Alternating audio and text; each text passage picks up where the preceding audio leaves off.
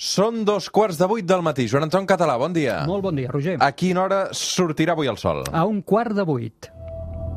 3, 2, 1, seganya!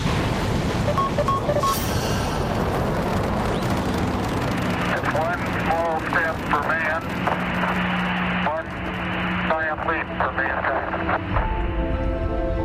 El sol ja ha sortit, Joan Anton Català. Sí, perquè, clar, hem canviat l'horari. Sí, estem encara, avui hem dormit eh, una hora més. Sí, sí, sí. El que passa és que sempre costa, eh, Aquest és, no, habituar-se. però aquest sempre és el bo. Ja, ja. El problema és quan ve l'estiu que en dorms una menys. Bueno, sí, jo, jo penso que no n'hi ha, sí que és veritat això, però de bo bo no n'hi ha. És dir, el nostre organisme, Sí. a veure, això de canviar-li... És absurd. És a dir, que cada, cada, cada, dues vegades l'any comentem que és absurd, Total. que ja no cal, que hem d'unificar-ho, però cada any estem igual. És a dir, Sí. jo aquesta notícia, i mira que en fa, soc jovenet encara, eh, però l'he explicat 70 vegades ja. Sí, el que passa, és veritat que ara tenim altres temes més importants que canviar això, eh? Hem de canviar moltes altres coses, però sí que és veritat, portem molts anys discutint que si això era efectiu o no. Potser ho va ser, però en aquest moment no, em sembla que no té gaire sentit. En qualsevol cas, ja fa un quart d'hora que ha sortit el sol per aquest canvi d'horari. Avui hem dormit una hora més, eh, o no, però, però en qualsevol cas hi ha l'opció de dormir una mica més.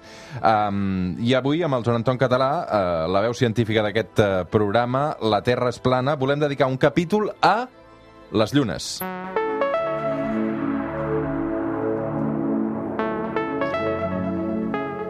A veure, les llunes en plural, que no és la lluna. Exacte. Lluna l'utilitzem també com a sinònim de satèl·lit natural. Val? Important. Molt important. Per tant, eh, aquí hi ha una ambigüitat de la paraula, satèl·lit, que s'utilitza també per un giny eh, diríem, humà artificial enviat a l'espai o en òrbita al voltant de la Terra, però d'aquests ja en vam parlar. Eh? Quan vam fer la setmana de l'espai ja en vam parlar. I avui parlarem dels satèl·lits naturals, és dir, de les llunes, d'aquells objectes naturals normalment rocosos que giren al voltant dels planetes i, atenció, que segueixen una seqüència que me la vaig anotar, que crec que és interessant, 0, 0, 1, 2, 79, 82, 27 i 14, que són el nombre de llunes que tenen els planetes del sistema solar que ara anirem veient. Carai, carai, carai, carai. Per tant, primera conclusió, les llunes també les coneixem com a satèl·lits, eh? Sí. Uh, però no són els robots que orbiten la Terra. No, exacte. Aquests són els naturals. Eh? D'acord.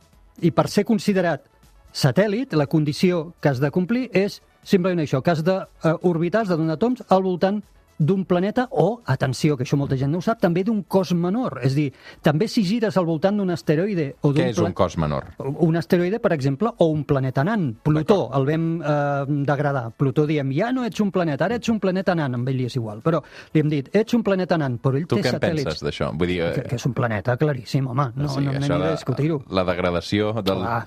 És a dir, que el sistema solar per tu continua sent... El, el, el del 1930. no, no així, però, però sí per un tema històric. És que al final li és igual, a Plutó.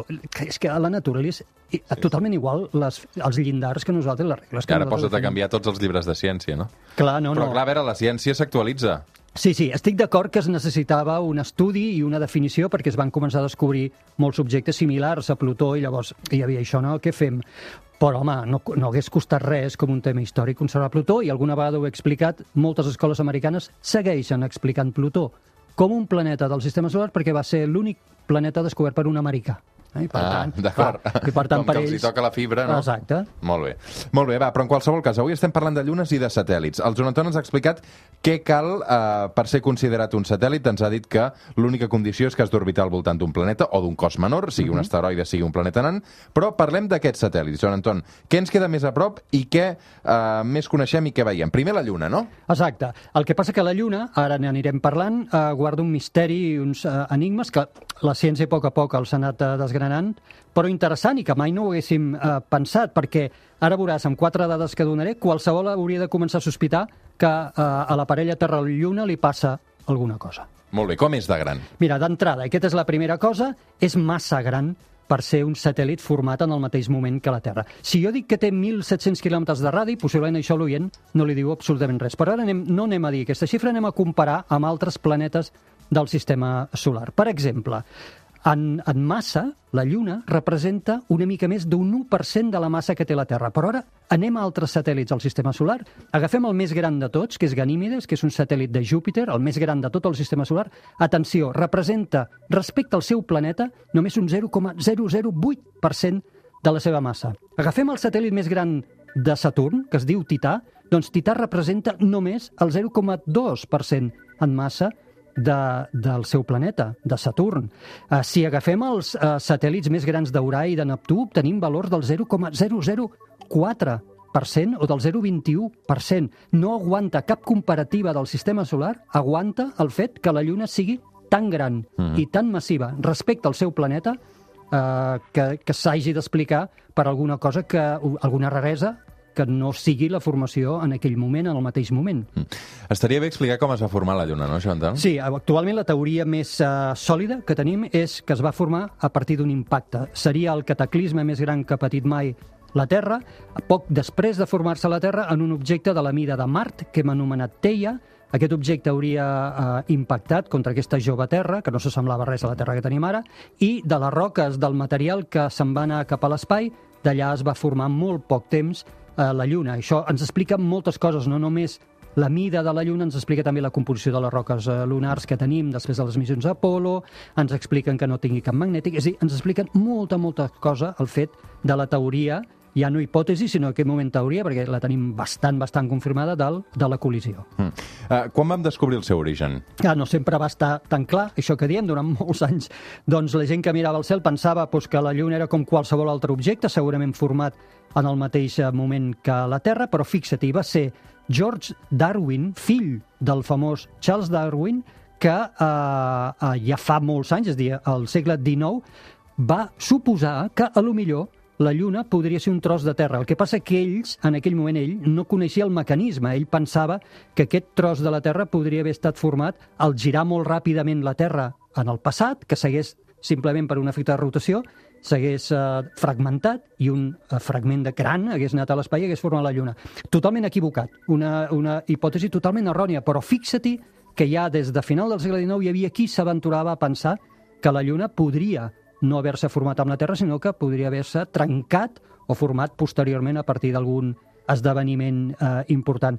Després vam començar a tenir proves ja definitives, com et dic, moltes coses no ens quadren de l'òrbita que té la Lluna, ni de la inclinació de la seva òrbita, i sobretot, quan vam tenir roques que les vam poder analitzar, va ser quan vam començar a anar juntant totes aquestes peces del puzzle que ens ha fet confirmar aquesta teoria de la col·lisió. Mm -hmm.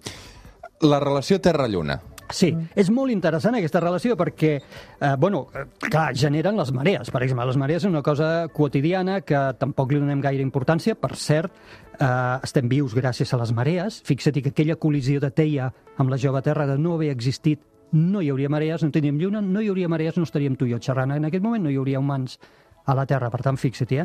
Però la parella Terra-Lluna, aquesta eh, fricció que es fan una a l'altra, que a la Terra li provoca marees, també provoca un comportament curiós de la parella Terra-Lluna en què, per pri en primer lloc, com sabem, la Lluna sempre ens ensenya la mateixa cara. A mi m'agrada dir que està, per, està perdudament enamorada de la Terra, sempre la mira, la mira, la Terra passa, perquè la Terra gira i, i en algun moment veiem llunes, en els altres no, però què més està passant? Lluna s'està allunyant de la Terra a raó de 3,8 centímetres cada any i la rotació de la Terra s'està alentint a raó d'un segon eh, cada, crec que són, no, perdona, d'un milisegon cada 50 anys, és a dir, molt, molt, molt poquet.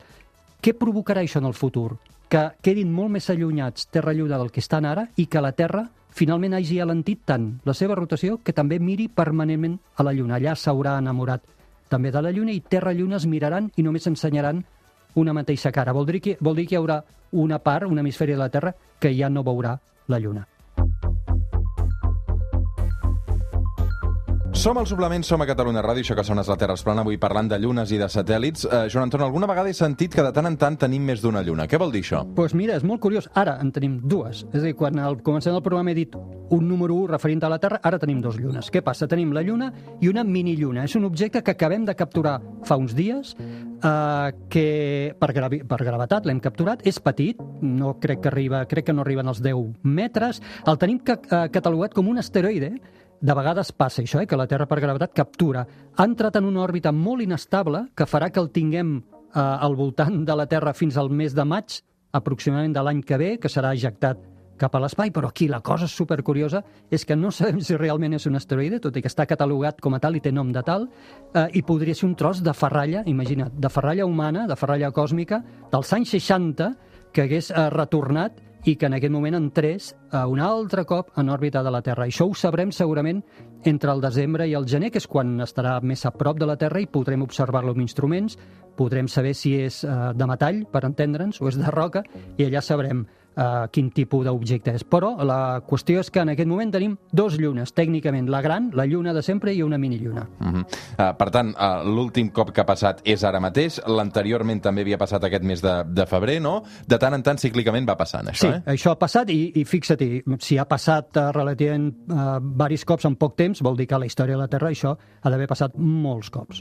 Molt bé, deixem la Lluna, però continuem parlant del cel. Ara viatgem fins, en aquest cas, Mart.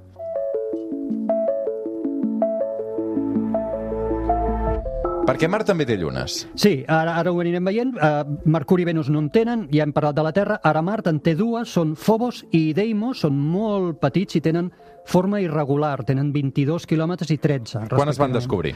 Doncs es van descobrir l'any 1877 per un astrònom que es deia Saf Hall i els va donar nom, aquest nom que hem vist abans de Phobos i Deimos, en honor dels fills de Mart a la mitologia grega. Phobos vol dir por i Deimos vol dir terror. Eh? Durant molts anys vam pensar que eren dos asteroides capturats. Com que tenen forma amorfa irregular, vam dir, ah, val, doncs si això és com el que dèiem ara de la Terra, no? Doncs Mart en algun moment els va capturar. Però avui tenim seriosos dubtes de que sigui així. I pensem que es podria tractar de fragments també d'una col·lisió que Mart hauria tingut fa molts milions d'anys contra un altre objecte. En qualsevol cas, el que ja és segur és que aquests dos objectes tampoc no es van formar en el mateix moment que Mart. Uh -huh. Per què diem que Mart podia tenir anells en un futur? Ah, això és xulíssim, Roger, perquè, mira, Phobos i Deimos estan en òrbites molt inestables i Phobos s'està apropant a poc a poc a Mart i arribarà un moment que s'apropi tant que la gravetat de Mart el fragmentarà. Mm. I això el que farà és que es converteix en una pila de roques i de sorra que quedarà orbitant com formant un anell al voltant de Mart. Això passarà en uns 50 milions d'anys, és a dir, que si hi ha alguna aquí encara, doncs en aquell moment Mart tindrà un anell. Canviem Mart, anem a Júpiter. Perquè si parlem de satèl·lits i de llunes, també hem de parlar de Júpiter. Quants satèl·lits té ara mateix? En té 79, eh? i és molt típic que els planetes grans, després parlem de Saturn, anem descobrint constantment, però els més importants són els quatre més grans que té, que són els galileans. Els va descobrir Galileo allà al segle XVII, a començament del segle XVII. Es poden veure en prismàtics. Jo sempre li dic a la gent, mireu Júpiter en prismàtics i podreu veure quatre puntets al voltant. Aquests són els quatre grans satèl·lits de uh, Júpiter. Molt bé, quins són els principals? Són aquests que es diuen Io, Europa, Ganímedes i Calisto. Uh, a Io ja li vam eh, fer un capítol la temporada passada. Recordem uh -huh. que és un món, un infern de volcans. A Europa, que és xulíssim, cobert tot ell per una capa de gel en un mar subterrani d'aigua líquida, molt prometedor per anar-hi a buscar uh, vida. De fet, ja hi ha una missió que s'anomena Clipper de la NASA que hi anirà. I els altres dos, Calisto i Ganímedes, també són molt rics amb aigua eh, gelada. Recordar que Ganímedes, a més a més, és el satèl·lit més gran, ho hem dit al començament, de tot el sistema solar, fins i tot és un 8% més gran que Mercuri. És a dir, si no fos perquè orbita Júpiter i si orbités el Sol, tindria rang de planeta claríssim. Eh? Mm -hmm. són, els quatre són rodons, etc. Joan Anton, ara ens situem a Saturn. Quants en té en aquest cas? Doncs mira, és el senyor dels anells i el senyor de les llunes. En aquest mm. moment en té 82, més que eh, Júpiter, però podria perdre la categoria, eh? perquè constantment, com et deia abans, anem descobrint roques, moltes d'elles amorfes, que giren al voltant tant de Júpiter com de Saturn.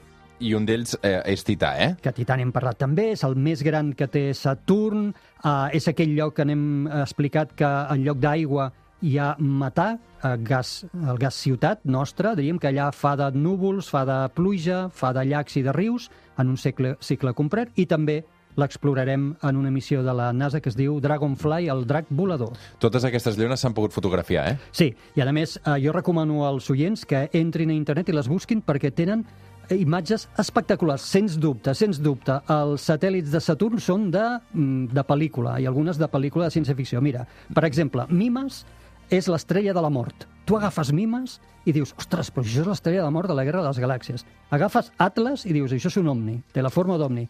I, però, és una esponja còsmica. Pan és un ou aferrat. I Pandora és una patata, directament. I això, eh, tenen formes divertidíssimes i super, super Per curioses. tant, podeu buscar aquestes fotos a través de les xarxes, nosaltres també les compartirem.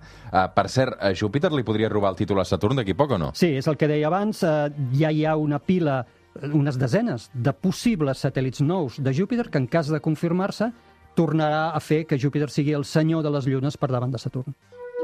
I deixa'm també que parlem una mica dels planetes que ens falten, Joan Anton, uh, les llunes d'Urà i de Neptú, que segurament són les que tenen noms més curiosos, no? Sí, mira, Urà, per començar, té 27 satèl·lits, Neptú 14, fixa't que els planetes grans són els que més en tenen. Els d'Urà s'han anomenat en honor a personatges de les obres de Shakespeare i de Pope. Per exemple, es diuen Puck, Miranda, Ariel, Umbriel, Titània, Oberó... Titània és el més gran, té 1.600 quilòmetres de diàmetre, per tant estem parlant aquí ja d'un objecte també molt gran. I els de Neptú, per contra, reben noms de déus menors relacionats amb l'aigua, segons la mitologia grega. El més important d'ells, d'aquests satèl·lits, és Tritó, que és tan gran que ho és més fins i tot que eh, Plutó. Eh?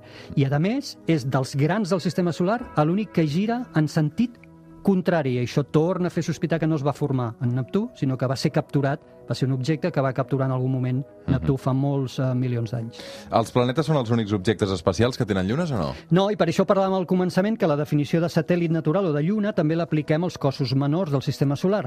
Per exemple, eh, Plutó, eh? eh, Plutó, planeta nan, hem parlat abans, doncs té cinc satèl·lits. Mm, No, no passa res, el més gran d'ells és Caront, que és la meitat de gran que Plutó. I un altre cop, ara l'oient ja en sap d'això, perquè ho hem explicat, sospita, oh, no pot ser tan gran, ha d'haver passat alguna cosa. Doncs sí, sospitem que Caront tampoc es pot haver format junt a Plutó, és massa gran en relació al seu planeta, i també seri- seria segurament la resta d'alguna enorme col·lisió eh, feta en el passat. Però també tenim, per exemple, eh, altres objectes com eh, asteroides, que pensàvem, fa temps que pensàvem que quasi era impossible que poguéssim tenir satèl·lits i avui hem descobert també satèl·lits, petites roques, orbitant altres roques. És a dir, eh, asteroides que tenen altres asteroides orbitant al voltant seu. El primer el vam descobrir l'any 1993 i va ser sobre un asteroide que es deia Ida i el seu eh, satèl·lit el vam anomenar Dactyl. I en aquest moment portem com 24, encara són pocs, però els anem descobrint 24 eh, asteroides que hem pogut confirmar que tenen satèl·lits al costat. Joan Anton, eh, els oients més fidels, eh, i també amb aquest temps que fem aquest espai, eh, hem après que són els exoplanetes. Sí. Avui que parlem de llunes, també hem de parlar d'exollunes? Totalment, perquè eh, seguint el sentit comú, diguem, bueno, doncs si, ha d'haver planet... si pot haver-hi planetes en altres eh, estrelles diferents al Sol, i en això n'hem anomenat exoplanetes, per què no hi ha de poder haver satèl·lits en altres sistemes estel·lars? I això són les exollunes. Serien satèl·lits orbitant exoplanetes. De moment, encara no n'hem confirmat cap. Estem al límit de la nostra tecnologia, fins i tot per descobrir exoplanetes. Hem parlat alguna vegada, com de difícil ens és descobrir planetes llunyans, no? Uh, apenes podem pretendre en aquest moment descobrir uh, exollunes, però tenim alguns candidats, alguns indicis que ens fan pensar que en pocs anys, i podria ser molt poc temps, uh, descobríssim la primera exolluna i a partir d'aquest moment això podria ser ja un, una, una llau de descobriments d'exollunes. Avui amb el Joan Anton Català hem volgut dedicar un capítol de la Terra es plana als satèl·lits i a les llunes. Crec que hem aclarit alguns conceptes, Joan Anton. Espero. Què hi passarà aquesta setmana al cel? Uh, ja ho sabem perquè el cel aquests uh, mesos ens està regalant quatre planetes visibles amb facilitat. Recordem Venus molt brillant sobre l'horitzó est, Júpiter i Saturn durant la primera part de la nit i Mart, aquell que vas veure des de Sabadell sense cap dificultat, segueix molt brillant de color taronja, mm. però la qüestió és que la, aquesta setmana la Lluna s'hi posarà ben bé al costat la nit de O dijous. sigui, podem fotografiar uh, la lluna al costat de Mart. de Mart, i és el moment d'enviar les fotografies i fer-les circular per xarxes. La lluna és més gran per això, eh? Home, moltíssim més. Recordem que aquest apropament és visual. A vegades hi ha gent que diu, oh, s'està apropant. No, no, No. És un tema de perspectiva, vist des de la Terra. No estan a punt de xocar. No, no, Tranquils. En absolut. La Lluna es veu més gran, però en veritat Mart és molt més gran que la Lluna i és un efecte simplement de perspectiva. Joan Anton Català, un plaer, com sempre. Igualment. Fem una pausa i ara tornem.